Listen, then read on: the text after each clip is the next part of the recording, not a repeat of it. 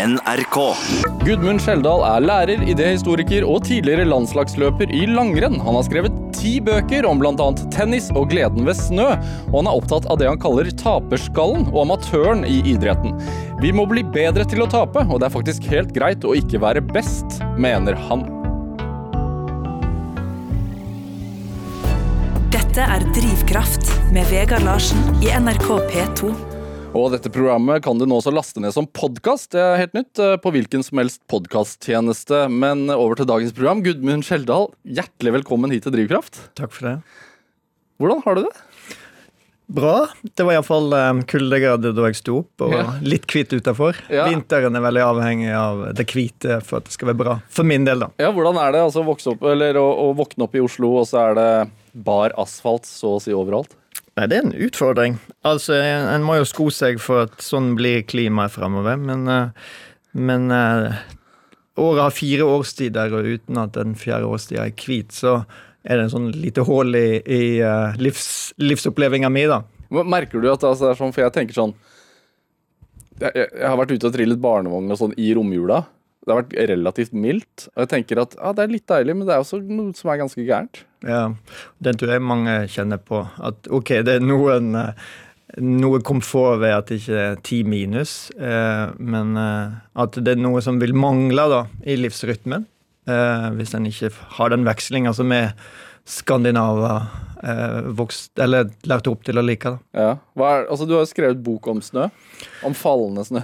Ja, og fallende snø hadde den doble av både hvor uendelig vakkert det er, eh, sånn som i Jola spesielt. Det stemningsfulle og enormt Det er så det er årstid som kommer så enormt raskt, som et under, eller som ei pakke, da, som en julegave som du pakker opp.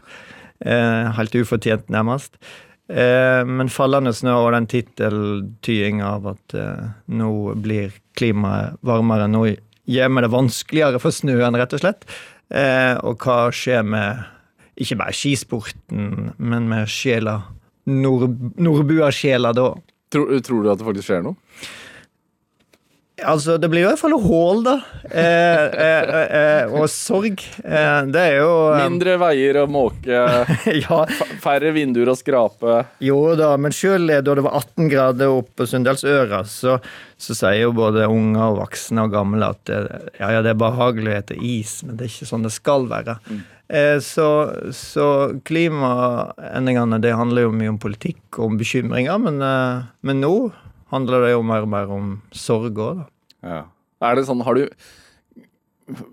merker, altså Kan du liksom si altså Du er en, en mann i midten av livet, holdt jeg på å si. Så kan du s- Bank i bordet. ja, jeg- kan, kan, Har du merket det selv, altså at det faktisk er blitt mindre snø? Altså, eller er det bare sånn Det, det var alltid mer, mer snø før, sånn som man pleier å si. Um, altså, jeg vokste opp eh, på 70-tallet, men jeg vokste opp på Vestlandet. Eh, og der er det jo ustabilt, i alle fall før jul. Eh, og de årene jeg var mest aktiv på ski rundt 1990, så var det jo noen vintre vi måtte stort sett langt inn i Sørkedalen, for de som kjenner Oslo, det vil si eh, en sånn tre-fire mil fra der jeg bodde, iallfall, for å finne snø. Så det er ikke det at det alltid har ligget en halvmeter inntil 2000-tallet.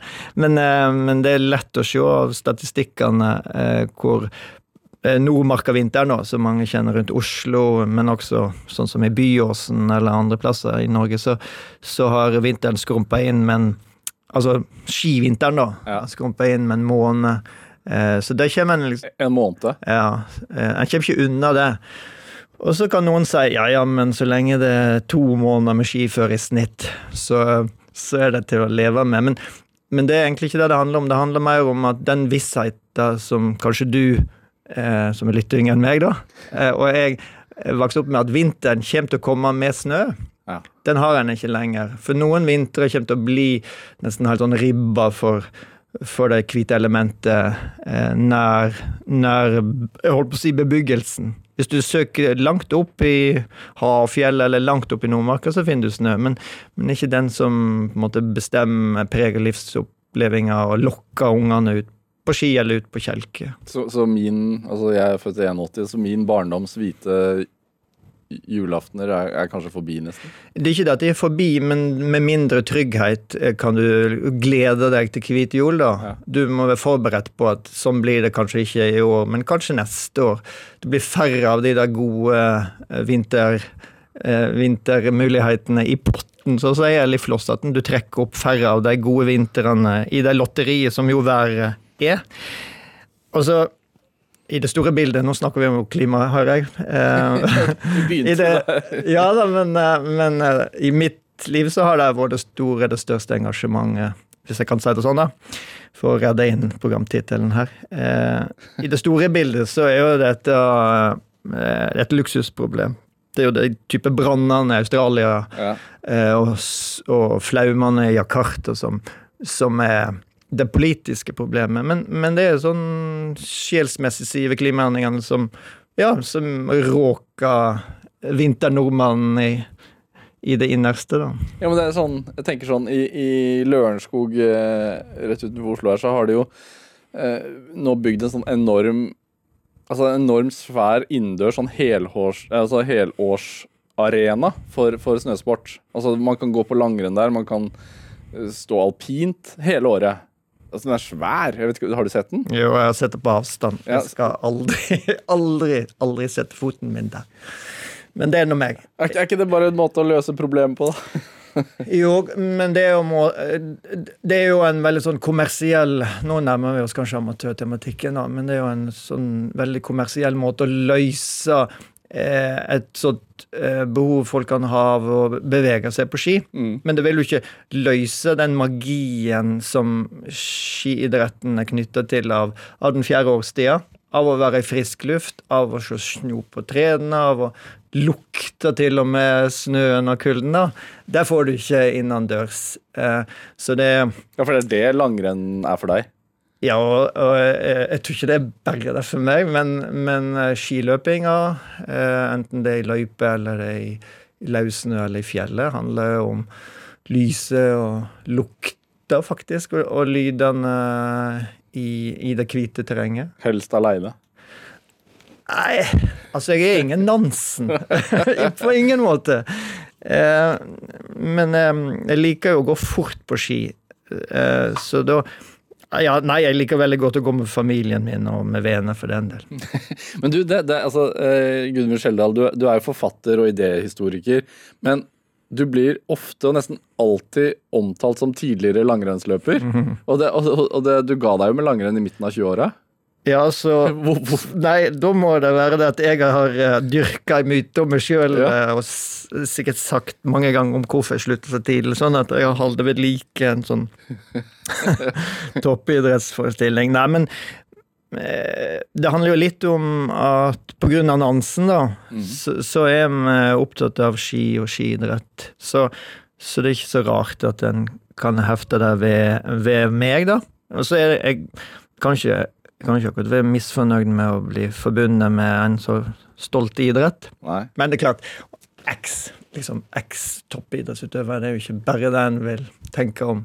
Nei, men det, det er en merkelapp som er vanskelig å bli kvitt. Da. Det er sånn Ja, Hvilken hva skal, hva skal du oppnå for å bli kvitt merkelappen? Nei, men det, det er greit, der, for det, da kan jeg komme inn på snølidenskap og klimapolitikk og alt. Ja. Så jeg kan leve med det. Hva er det beste med snø, da? Ja, det er, det er den årstida som kommer mest brått, da. Eh, og så kommer den med så mye lys. Så hvis jeg må hvis jeg må sette den på ord, den kjærleiken eller det fenomenet, så må det være lyset som snøen kommer med. Så det betyr jo at Håper jeg, da, at selv de som ikke er glad i å gå på ski, eh, er glad i, i det hvite, fordi det, det hjelper oss gjennom den mørkeste årstida, da. Ja. Og, og, og tunge sånne eh, busker som henger, er veldig vakkert. Ja, det er det. Det er enormt stemningsfullt. Det er ikke så rart at en knytter den til jola, sånn sett. Dette er Drivkraft med Vegard Larsen i NRK P2. Og i dag så har vi forfatter og tidligere lang landslagsløper i langrenn, Gudmund Skjeldal, her hos meg. Eh, du var jo på landslaget, og du var god. Ja, altså Du var i norsk sammenheng. Du var jo, eh, hvis man ser på liksom den store massen, så var du god. eh, Ja, altså Dette eh, hvorfor skal jeg nøle med å si at jeg var god? Eh, men jeg nøler litt fordi jeg var Jeg ler fordi jeg var jo på landslaget med Bjørn Dæhlie og Vegard Ulvang og Erling Jevne og Sture Sivertsen og for så vidt broren min Kristen Kjeldal. Er det litt som å spille fotball på Barcelona, hvor Messi får all oppmerksomheten? Ja, men, men velfortjent. Ja. Så, ok, du er jeg vet ikke, nå holdt på å si venstrebekken på Barcelona. er Kanskje alt, veldig god for alt jeg vet, men, men du forstår på en måte, eh, hvis du er på lag med Messi, at du må spille litt sånn annen fiolin. Og ikke at jeg forsto det, men, men eh, når du sier at jeg var god Ja, jeg var god, men jeg, jeg, var jo ikke jeg var jo ikke like god som de aller beste, og det var de jeg målte meg mot. Eh, Så selv om jeg var med i troppen til Lillehammer-OL i 1994, så, så var jeg ikke god nok til å komme på, på start, da. Nei. Eh, Men, men eh, jeg syntes det var veldig, veldig gøy og veldig oppslukende. Og til tider litt, litt sånn litt sånn ensformig liv. Kanskje var litt av grunnen til at jeg sluttet såpass fort. Hvordan er et eh, langrennsliv når man er så høyt oppe i sporten som du var? Nei, altså når jeg tenker tilbake på det, så tenker jeg det er jo enormt mange muligheter for å dyrke de eventuelle tilleggslidenskapene en kunne hatt av lesing, eller en kan jo snike seg til å se filmer i all slags pauser, for det er jo mye liggetid på hotell. Men, men eh, miljøet er, er jo prega av folk som kanskje er mest opptatt av jeg skal ikke si av, ikke av kropp som sådan, men av å bli gode med kroppen. Så det er kanskje Jeg skal ikke eh, snakke nedsettende om eh, idrettsmiljø, men, men det er kanskje ikke alle som er like opptatt av bøker, filmer eller diskusjoner, da. Nei. Det kunne jeg kanskje av og til savne. Hva, hva er eh, Hva er den beste plasseringen din? Sånn i langrennssammenheng. Ja. Altså, jeg dyrker, dyrker det til å bli nummer to, så det beste er en andreplass. eh, Men det var i Holmenkollen, på Ja. femmila, den sjølveste. Eh, og eh, så har jeg skrevet bok om Ikke akkurat om løpet mitt, men jeg har prøvd å bruke det løpet som inngang til en del erfaringer rundt det, og nesten vinne, da. Som jo mange må kjenne på, sjøl de som var nominert til Golden Globe i natt, f.eks., i filmsammenheng. Eh, og jeg leda lenge den gangen, i 1993. Eh, så det var litt vanskelig Ja, For du lå lenge, veldig lenge an til å vinne. Ja, jeg var i himmelen, jeg, da. Du trodde du skulle vinne. Ja, jeg trodde Det var Du er glad i Liverpool, har jeg skjønt. Så det er som om Liverpool leder 3-0 til pause, da. Ja. Og så mister de den seieren i mesterligaen, hvis vi kan som tenker oss det hypotetisk her. Ikke mesterligaen akkurat, men akkurat å lede 3-0 til pause og tape har de gjort veldig mange Ja, ganger. men også har de opplevd det motsatte, var ikke det? Mot Milan en gang. Men, Ja. men poenget mitt er at, um, at det er enda verre å bli nummer to hvis du har leder, da. Hvis du har vært i nærheten og smakt på. Eh, Og jeg eh, i en 7-8-9 kilometer bare gleder meg til stadion og gleder meg til jubelen. Og det vet jo alle vinnerskaller at en ikke skal. Eh, Så jeg tok på en måte seieren på forskudd. Eh, Hvorfor skal man ikke det? Nei, for da um, Da glemmer en de eh, jeg si, evinnelige arbeidsoppgavene. Men det var det jeg gjorde, da. Jeg ble så, så opptatt av hva som skulle komme, og jubelen, og hva dette faktisk kunne innebære, da. At jeg um, slappa litt av. Ja, men det gjorde jeg faktisk. Eh, det var ikke det at jeg sprakk eller eh, sånne ting, men, men jeg slappa litt for mye av den siste mila. Så jeg Ok, iallfall har jeg tenkt etterpå at jeg hadde hatt mer enn nok krefter til å holde denne russeren som kom så fort mot slutten bak meg. Ja, sånn var det. Jeg, jeg, jeg ler nå, ja, men det er noen Ja, år du siden. gjør det. Nei, jeg, Nei, altså, beklager, nei, det er jo ikke sånn at eh, jeg ligger ikke vaken lenger. Men jeg har tenkt på det men du har gjort det. Ja, eh, men meg før enn nå, da. Eh, Nå har jeg til og med skrevet ei bok om det som, som jeg kalte nest best, så nå kan jeg ikke Jeg kan ikke bruke det mer. Det. For å bearbeide traume. Nei, det er vel det må, for en måte på patetisk etterpå. Klokskap. Men, men andreplassen er den beste plasseringen.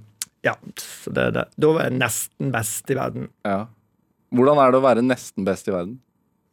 Ja, nei, det er jo da en setter seg ned og skriver bøker, da, om den erfaringa. Hva følte Buzz Aldrin, som var nummer to på månen, og Ja. hvordan var det egentlig ved Scott da Amundsen hadde nådd han i forkjøpet til Sydpolen, osv. Nei da, det var jo svære menn å sammenligne seg med. Men, men eh, det er jo eh, noe på en måte noe veldig spesielt, men det er noe sånn veldig gjenkjennelig for oss folk, dødelige, tror jeg, som har vært på jobbintervju og blir innstilt som nummer to, da.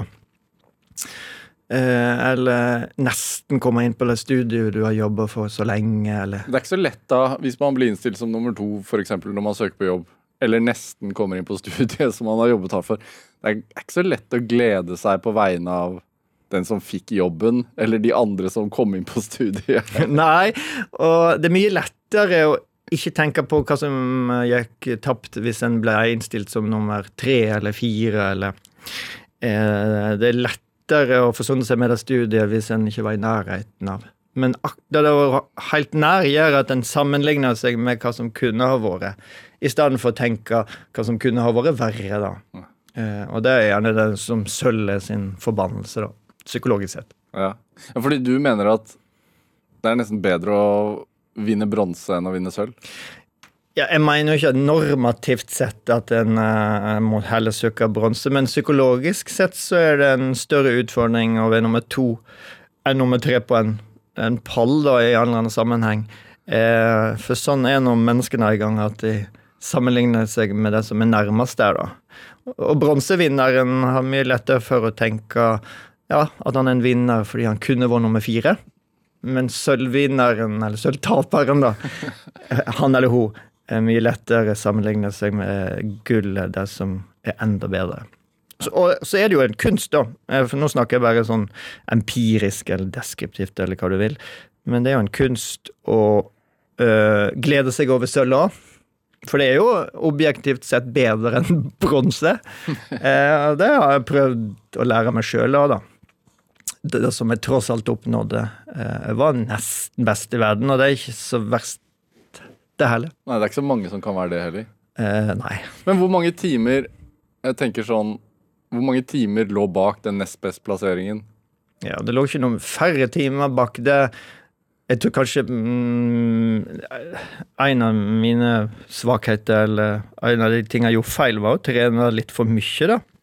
Så jeg tror jeg hadde sånn bra talent for trening, og bra talent for særlig motbakker, og sånn O2-kapasitet, som det heter på fint.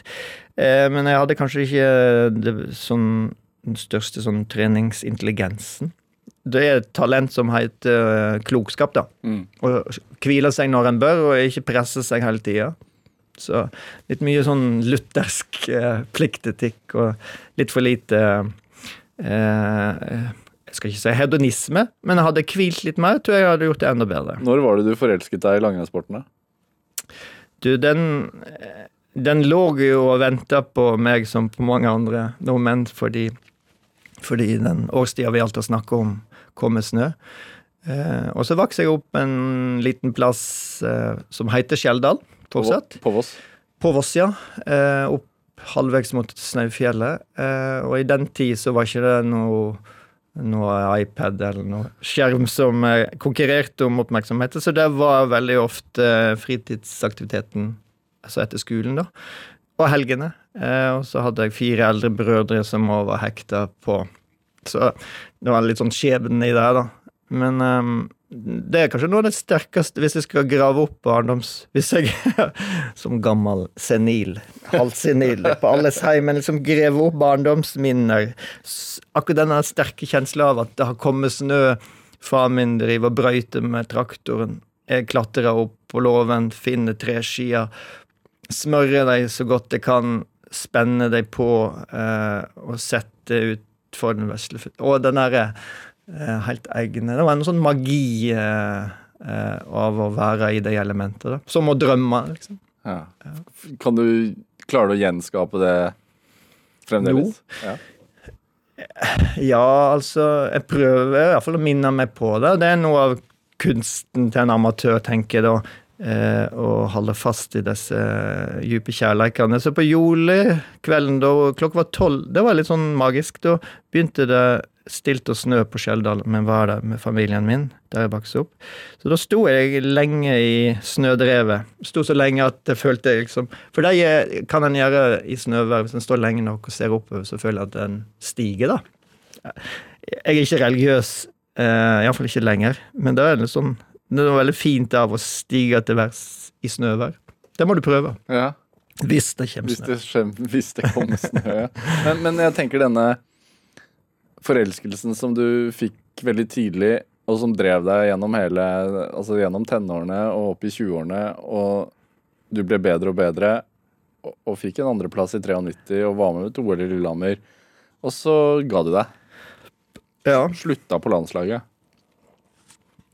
Nå er du en veldig sånn god psykolog, hører jeg.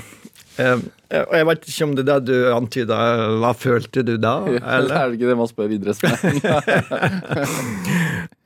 Ungene mine er glad i 'Mesternes mester'. Eh, Jeg kan betakke meg en del for det programmet, men, men eh, de blir jo gripende av å tenke tilbake på karrieren sin, disse mesterne. Hjelmeset, eller hvem de nå måtte hete.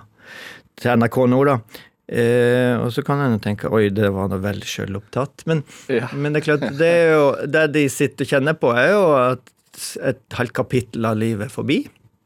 Og, og dette gjelder jo ikke bare eh, toppidrett, men det gjelder jo ballett. Og det gjelder jo eh, mange som synger Sølvguttene. At, eh, at de har ei tid av livet da de har en spesiell karriere, og så må de gjøre noe annet bakom. Og at det kan være forbundet med stor overgang og sorg. Ja da. Jo da, jeg kjente på hål og sorg. Eh, samtidig hadde jeg veldig lyst til å begynne å studere. da. Ja, for du, du tok jo det valget selv. Du kunne jo fortsatt. Jeg kunne fortsatt. Eh, Men det er ikke så mange som er i det sjiktet der som gir seg frivillig. Altså Det er ofte en skade som setter de ut, eller Ja, det var sikkert noe greier der òg, hvis du er nøyaktig, eller hvis du går vitenskapelig til kildene av at, at jeg strevde med, med skade og sånn òg.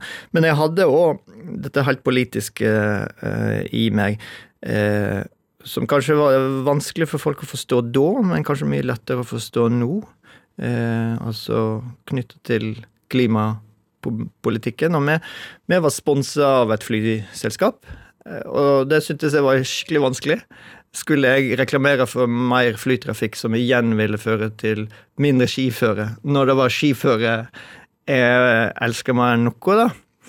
Eh, og som sagt, det var vanskelig for folk å forstå at en skulle gi avkall på karriere for å liksom redde kloden eh, da. Men eh, nå, nå er det jo sånn at til og med han Nå sier- uttaler jeg sikkert ikke dette rett, men han Joaquin Phoenix, Mm. han som vant best skuespilleren. ja, som vant best em, Golden Globe for beste mannlige presisjon. Han eh, brukte jo talen sin til å til å mane skuespillere til større klimainnsats. Og, og, og for dem handler det om å bruke privatfly mindre. det høres jo helt absurd ut, men, men ok. Eh, folk i mange sammenhenger maner hverandre til dåd. Og det, En må jo bare berømme alle som, som prøver å hjelpe på politikerne, Ja. som er de trege nå, da. Men du var tidlig ute, da. Ja, nå Eller det verste måten du sier det på, er jo at eh, det er egentlig ikke sant, fordi, fordi eh, dette kom på den politiske dagsordenen sånn rundt 1990. Så problemet er jo snarere at vi har brukt så altfor lang tid.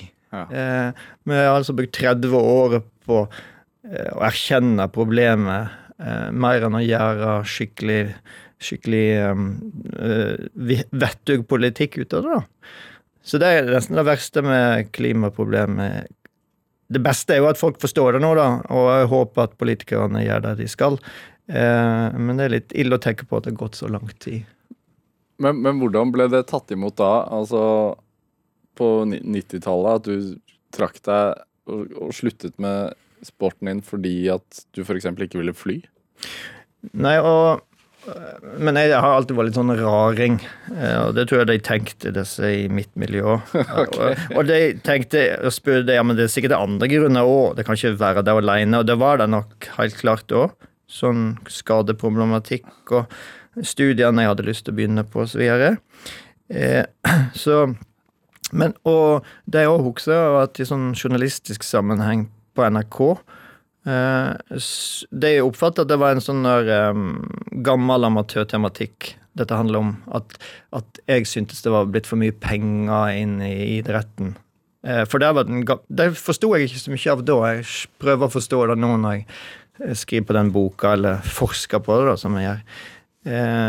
Men det var veldig Det høres banalt ut, men jeg kan huske at han Torbjørn Berntsen, som da var miljøvernminister, for at, da var det den politiske samtalen da. Man snakket, Vi må jo alle bidra, vi må jo alle gi avkall på noe. Og jeg tenkte da jeg så den debatten på NRK ja, det Og her er mitt avkall. Jeg kan ikke reklamere for et flyselskap. Mm. Ja, Sånn tenkte jeg da. Jeg vet ikke om jeg hadde gjort det igjen, men det er ikke så farlig. Jeg kan jo ikke kan ikke drive og falle sin egen ungdom i ryggen hele tida. Tror du at hvis du hadde kommet på førsteplass på den femmila på, på, på, eh, i Kollen, tror du at du hadde trukket deg da, eller? Ja, sant. Det er sånn du skal spørre som god journalist. Eh, og, og jeg hadde nok blitt bitt på mange måter av gullet, da, sånn i symbolsk forstand. Men blir man det? Kan bli det. Bitt av gullet? Eh, ja, det er jo masse myter som tyder på det. Kong Midas-myten. At den blir helt forbanna av det. Eh, og at det er et eh, enormt sug knytta til oppmerksomhet, knytta til penger, knytta til suksess, som mange har vansker med å liksom komme ut av. da. Kan du klare deg med én suksess? Kan du klare deg med litt penger? Kan du takle å ikke være i medielyset, sier han. Det er jo enorme krefter. for Se den der Diego Maradona-dokumentaren. Det har kanskje du gjort, men den er knallgod på akkurat disse kreftene. Ja, Hvordan det kan korrumpere en sjel, holdt jeg på å si? Ja, et, uh, nå var det jo en mafia, kokain inne i bildet vårt, da. Men, men uh, så for han må det ha vært enormt. Jeg kan ikke tenke meg hvor vanskelig det der har vært. Mm. Så det, det, hadde sikkert ikke gått bra. Kanskje var det bra at jeg ble nummer to. ikke bli bitt av gullet. ja, det er noe, det ja. Men du, du, skrev en gang om langrenn at uh, du skrev du idrett av fysikk og av selvstendighet, du nasjonale av alle idretter, som Nansen sa, vi smurte oss bort fra deg. Mm. Skrev du en gang. Ja. Hva, hva, mener du med det? Nei, det var i en kontekst av uh, hvordan uh, utstyrsdimensjonen og, og, en ting er nå hva vel av smøreprodukt som fins, men òg av hva stav og sko og ski. Altså, hvis du ikke er litt erfaren med idretten, så kan du jo bli overvelda hvis du går inn i en sportsbutikk og tenker at du må jo ha en doktorgrad for å kunne hjelpe ungen din på et skirenn.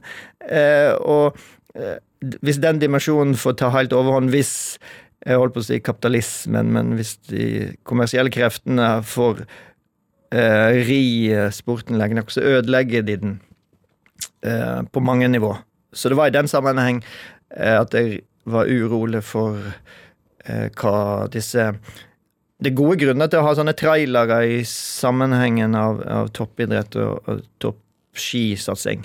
Smøretrailere? Smøretrailere som de reiser rundt med. Det gjør det lettere for de som skal smøre. Men samtidig representerer de bilene en sånn eh, ekstrem eh, utstyrsfiksering, da. Som gjør at hvis du skulle stilt, stilt på et nasjonalt renn som holdt på å si som en amatør, uten det profesjonelle apparatet, så, så har du nesten ikke sjanse.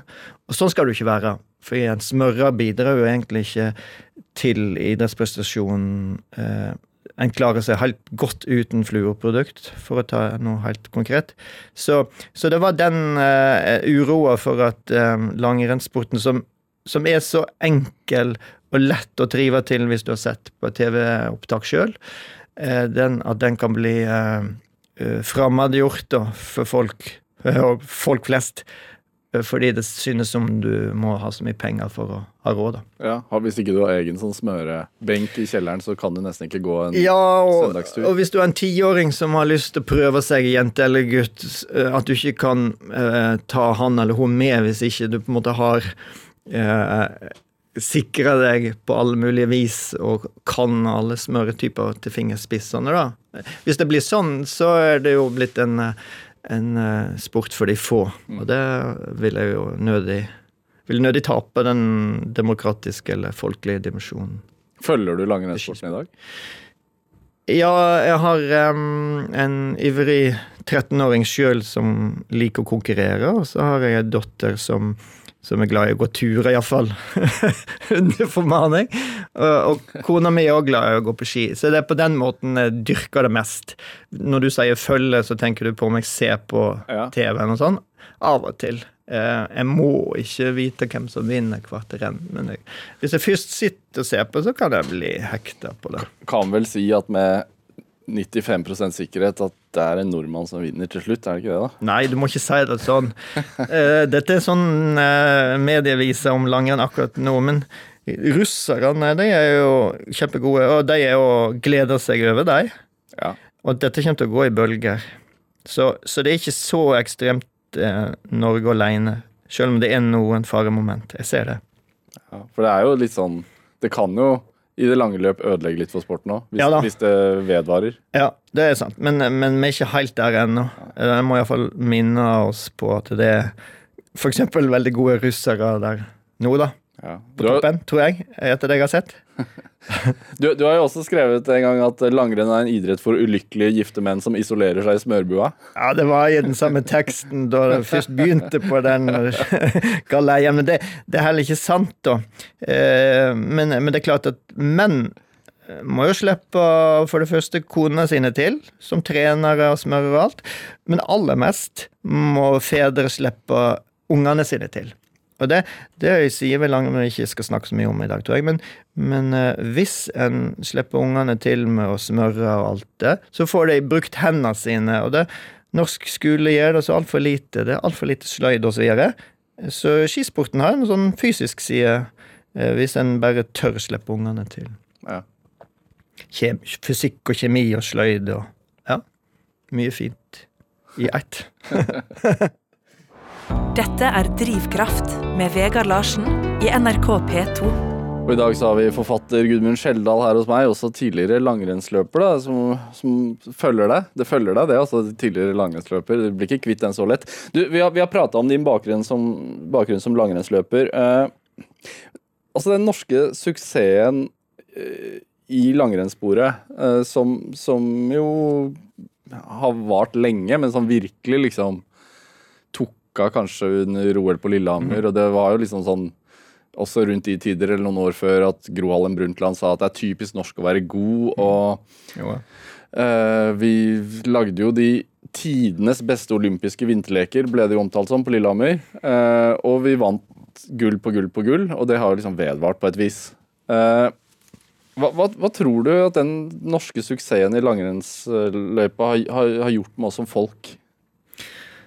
Ja, nå spør du nå spør du vidt og bredt og grått og dypt. Jeg, jeg, jeg må liksom ta sats og et dypt djupt magedrag før jeg skal svare på det. Jeg, jeg gir det litt sånn nølende òg, fordi dette har mange sagt noe om, også folk utafor skisporten. Og kjenner til journalister og forfattere som, som nå sånn etterpåklokt, eller litt på tampen av den perioden du skisserer, da, mener at vi har blitt eh, ikke bare egoister, men arrogante. og Vi har selv opptatt en vi har godt av, og videre. Og eh, at EU nei skyldes dette med idretten, og og så videre. Eh, men når alt dette blir sagt, da, så, så må en jo skynde seg å si at toppidrett som en ser på, det er jo en sånn slags 90 vel, det I fotballsammenheng er blitt kalt sånn 90 minutters nasjonalisme. At det varer jo ikke ved. En kan bege, bli begeistra over store prestasjoner, men, men veldig sjeldent blir det politisk. Eh, eller blir det på en måte en sånn sånn eh, egenskap ved et helt folk. F- For såpass eh, knytta til øyeblikket vil nok kanskje tenke at medieidretten på topplandet er, da. Jo, men det er jo litt Man blir jo litt skuffet når vi bare vinner sølv. Ja, men heldigvis Det er det fine med idretten når en følger på TV-en, eller for så vidt driver med det sjøl. Det trenger ikke sitte så lenge i. Eh, Jeg har hørt på deg at du er sånn Liverpool-supporter på din hals, så du kjenner sikkert til det der, eh, og det tror jeg mange gjør, at ok, så er en ergerlig eller oppstemt og det kan gi litt sånn farge, enten det er grått eller det er lyst inn i hverdagen, men, men hvorvidt dette er bestemmende for den politiske holdninga eller mentaliteten til et helt folk Ja, en må iallfall gå noen lange runder før en kan liksom komme til et endelig svar. Jeg tror ikke en kan lage et endelig enkelt svar på det. Eh, kanskje et sånt historisk svar er å sammenligne det du spør om, med hva betydning Nansen eh, fikk, da. Mm. For han var jo skiløper på ett nivå, men han var jo mye, mye mer knytta til de polare ekspedisjonene. Og han fikk nok en politisk betydning inn mot 1905 og frigjøring av Sverige, men ville jo aldri hatt det hvis ikke det var andre prosesser på gang. Um, men um, tilbake til, eh, til spørsmålet ditt, så, så uh, En må jo bare gi idretten en sånn passe plass. Så så i um, programprofilen til som du har, så skal du jo bare snakke om idrett av og til. og Sånn oppfatter jeg jo at media gjør det. Eller er det for mye er det for mye sport i nyhetene? På det nivået syns jeg det er et bra spørsmål. Hva syns du, da?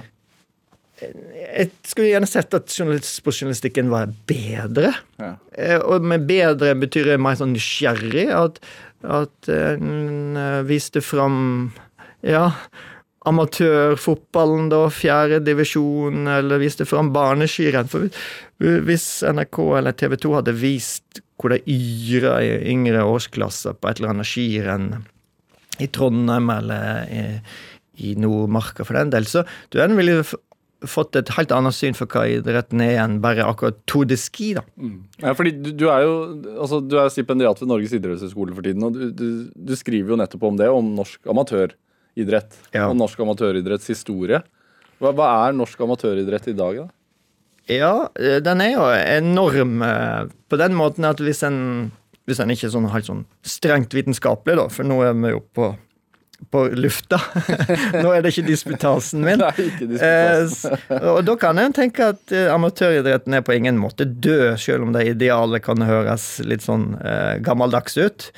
Det skal vi kanskje snakke mer om om litt. Men, men i, i eh, breddefotballen, eh, i breddeidretten, i barneidretten, i mosjonsidretten, så er det jo enormt mye bra, enormt mye lidenskap menn rundt 50 som trener masse for Birken, eller foreldre som stiller for unger som skal spille fotballkamp, eller Så, så den lever i beste velgående? Ja, den tanken om at idretten må basere seg på lidenskap, og at de som er med eh, som trenere og foreldre og, og, og sånt, at de er med på dugnad, da. Eh, fordi dette skal være prega av ikke tanken om suksess og fortjeneste og kroner og øre, da, men om mestring og, og uh, lidenskap og allsidighet. Hvorfor, hvorfor er dette så viktig for deg, og så at du skriver en bok om det? og... Hvorfor det er viktig å ha sagt det? Ja, og, og forske på det og gå i dybden på det. Hva, hva er det som er Altså Jo, for noe kan jo gå tapt, da. Eh, og hvis nå begynte du med hva gjør skiidrett med oss, så er det jo veldig lett å spørre hva gjør sportsjournalistikken med oss? Eh, og, nå er det sånn i våre dager I våre dager. Det høres ut som jeg er 200 år gammel. Kanskje jeg er det. Men i alle fall, nå er det sånn at hvis en eller annen utøver lykkes, så er noe av det første en journalist lager saker, er, er hvor mye tjente han eller hun på det. Eh, og hvis de ikke på en måte gjør kroner og øre på det, hvis de ikke lager en eller annen sånn hårvoks-logo, eller ja, selger seg på et annet vis, da, så er de nesten framstilt som eh, litt sånn enfoldige eller dumme utøvere. Som om, som om det å drive noe til topp tips da i f.eks. idrettssammenheng må omsettes i kroner og øre i det å bli en forretningsmann eller forretningskvinne. Og det, eh, da mister en jo synet for hva lidenskap er. Og, og, hvis jeg hadde fått lov å snakke lenge, lenge om det, så, så kunne jeg jo pekt på forgreiningene det har til livet, men Hvilke forgreininger har du? Ja, altså Hvis en går tilbake til den egentlig, eller den første amatøridretten som Skiforeningen prøvde å elske fram i, i før Holmenkollrennet, da. Husebyrennet, Husebybakken. De ønska jo eh, helhjerta utøvere, vil si utøvere som ikke hoppa forsiktig med tanke på at de skulle vinne premie. De skulle hoppe så godt de kunne uten å drepe seg sjøl, da. Havne på hodet. Eh, og den helhjertede innsatsen eh, var det de ville ha fram. Eh, og det eh, Det de eh, ville unngå, eller var redd for, det var at en skulle bli eh, beregnende, da. Eh, at en skulle tenke på hva en kunne få ut av en idrett eller aktivitet i kroner og Hva, øre. var- hva var målet i utgangspunktet? da? Hva var Ja, det var- jo folkehelse, hvis jeg skal være banal. Men, men, eh, men det, jeg tenker at det er lett å forstå hva, hva de vil verne. Eh, Når en tenker på Ja, vi snakket om jola, da.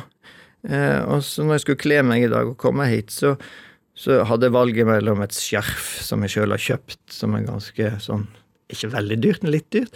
Og så en sånn hals, eller bøff, sier alle nå, da, men en sånn hals som dattera mi hadde strikka, eh, og som klør. Men, men jeg valgte den som hun hadde strikka, fordi den hadde hun strikka av kjærleik eh, og av lidenskap. Og de tinga, eh, det er de en må ta vare på eh, og verne om, da. Hvis jeg kan få snakke litt til i den samme yeah. åndedraget, så Ehm, så kone kona meg på dette veldig bra, for vi søkte langt inn i, inn i marka for å gå på ski i går, søndag. Eh, og så eh, hadde noen løypekjørere lagd flotte spor. Og så, hvordan skal man hvordan skal en takke de der som er så ivrige å kjøre løype? Det er veldig fristende å tenke at en må få betalt i, at en skal sette inn penger på konto eller støtte Skiforeningen, men kanskje den aller beste måten å takke de på, er å bruke de skisporene, da. Så, så mellom mennesker så er det et sånt enormt eh, område en ikke må miste av eh, hvordan vi gjev hverandre gave, eller gjev hverandre av tida vår.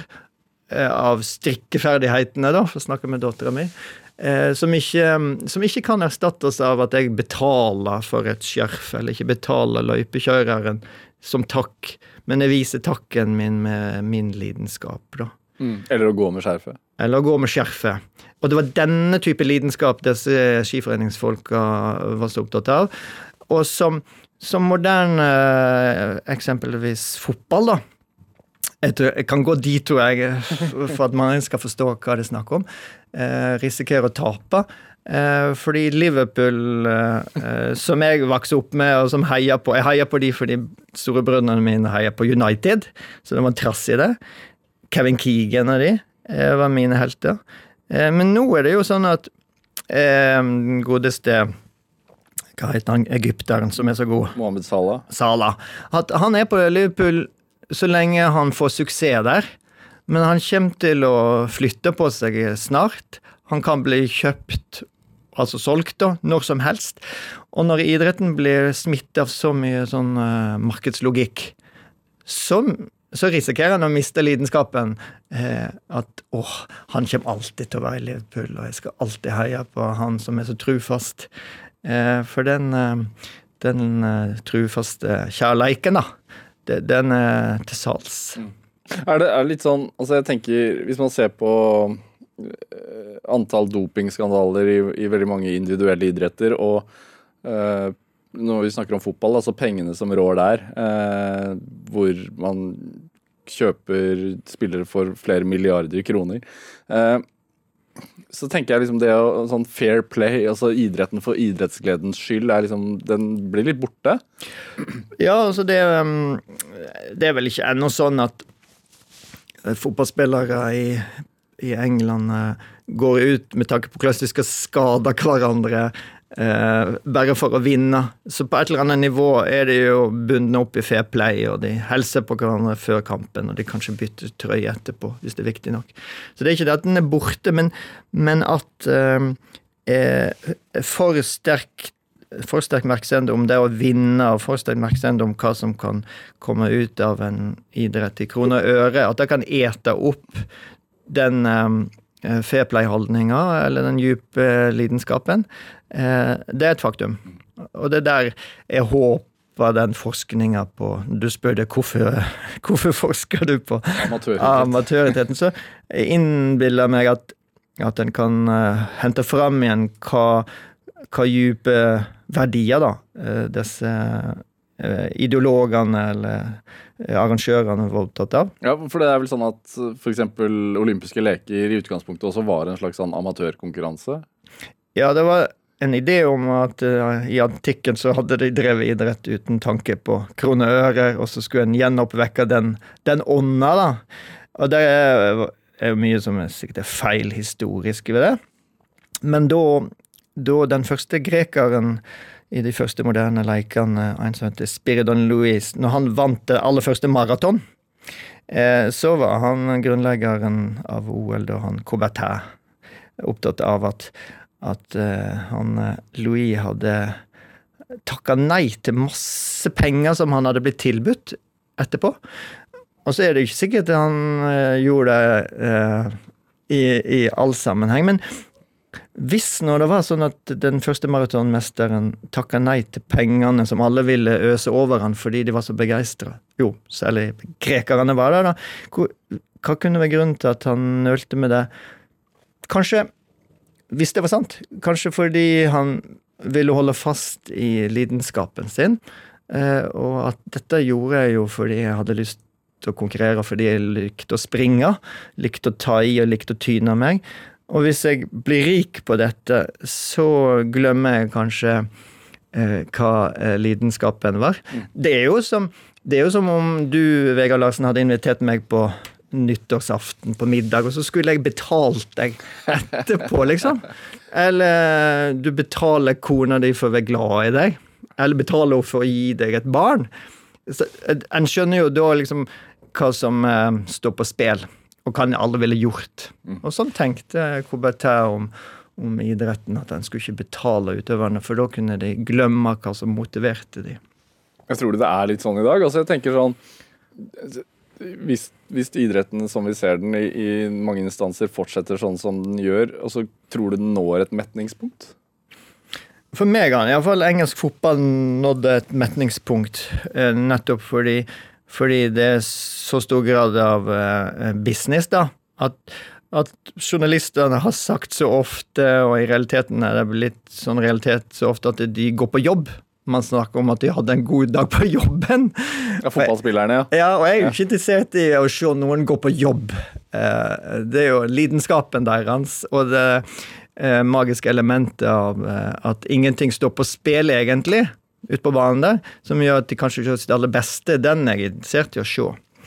Eh, Og eh, på samme måte med en tennisspiller eller en Therese Johaug. Jeg er interessert i hva hun får til fordi hun vil gjøre sitt beste, ikke hva hun tenker hun skal få til fordi hun kommer til å bli rik på det. Dette er Drivkraft med Vegard Larsen i NRK P2. Og i dag så har vi forfatter Gudmund Skjeldal her hos meg. Eh, altså når jeg, hører om, når, jeg hører, når jeg hører deg snakke om idrett og, og at eh, pengene skal ikke skal ha råd, så det høres Du er jo en idealist. Hvor kommer denne ideologien fra? Altså Min idealisme, eller ideologien jeg studerer? Nei, din. Min Ja, her kommer idealismen min ifra?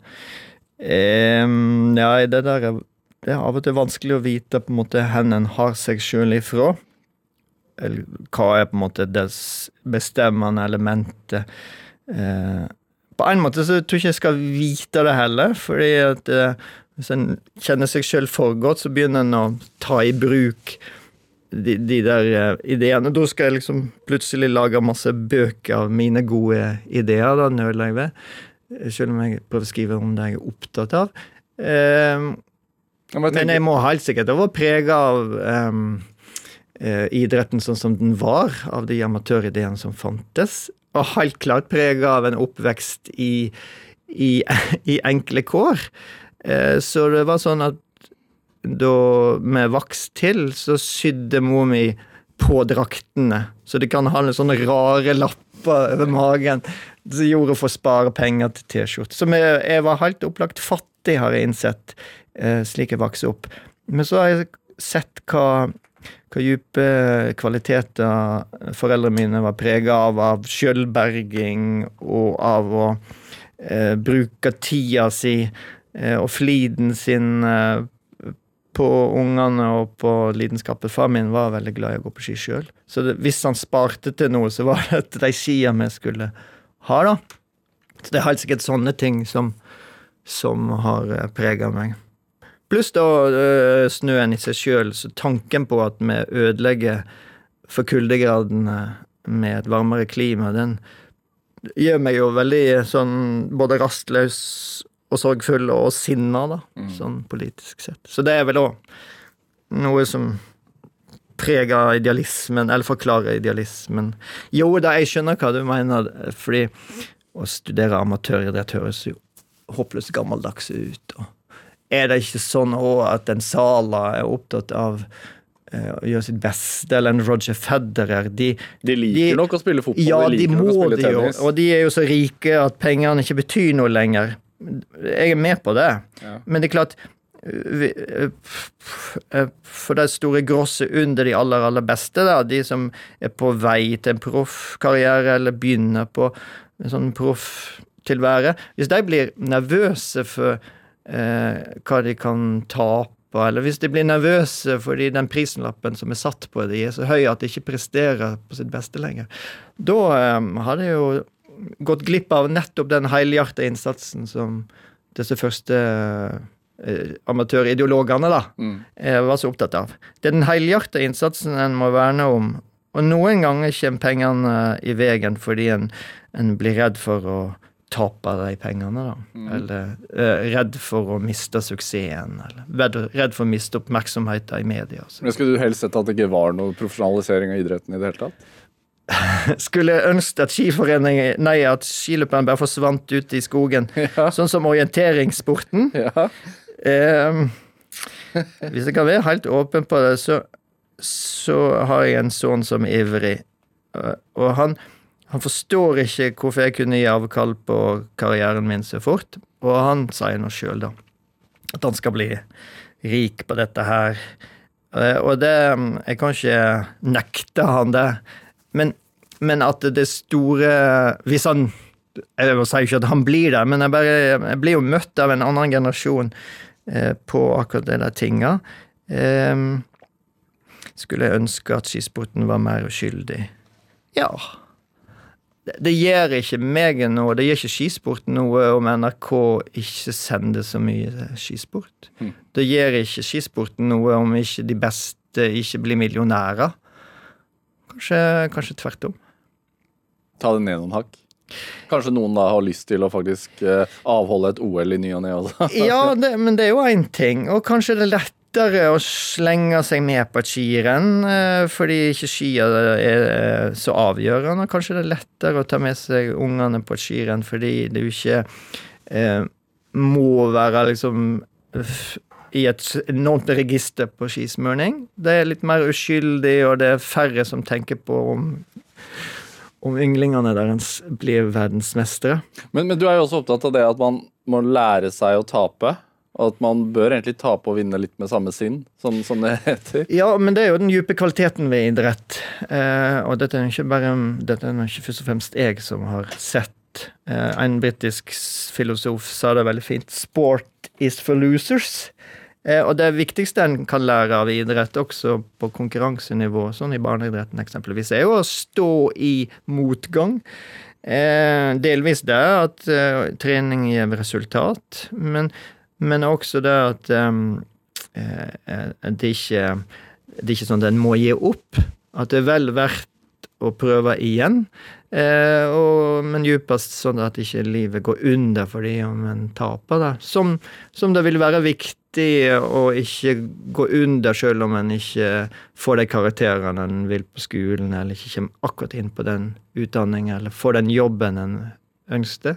Eller den kjæresten en håp... Eller den ja, utkårne som en håpte en skulle få. Ja, altså, Eh, at det dype, dype her er å ikke gi opp. Ja. Og det lærer idretten oss til, håper jeg. ja, og kanskje også liksom, hvis man lærer seg å tape, da, at man kanskje han får en dypere erkjennelse at man ikke trenger å strebe ekstremt hardt etter et eller annet mål i livet. Ja, eh, og at en kanskje er så heldig at Olav H. Hauge har skrevet det så fint i et dikt om eh, at en starter lag med storskrieren og blir bak og blir tatt igjen med en runde, men så, så kommer en i en underlig ro, skriver han, når en finner ut at en skal kappskrive med seg sjøl. Og finne standarden i seg sjøl, eh, som kanskje ikke er det beste, da.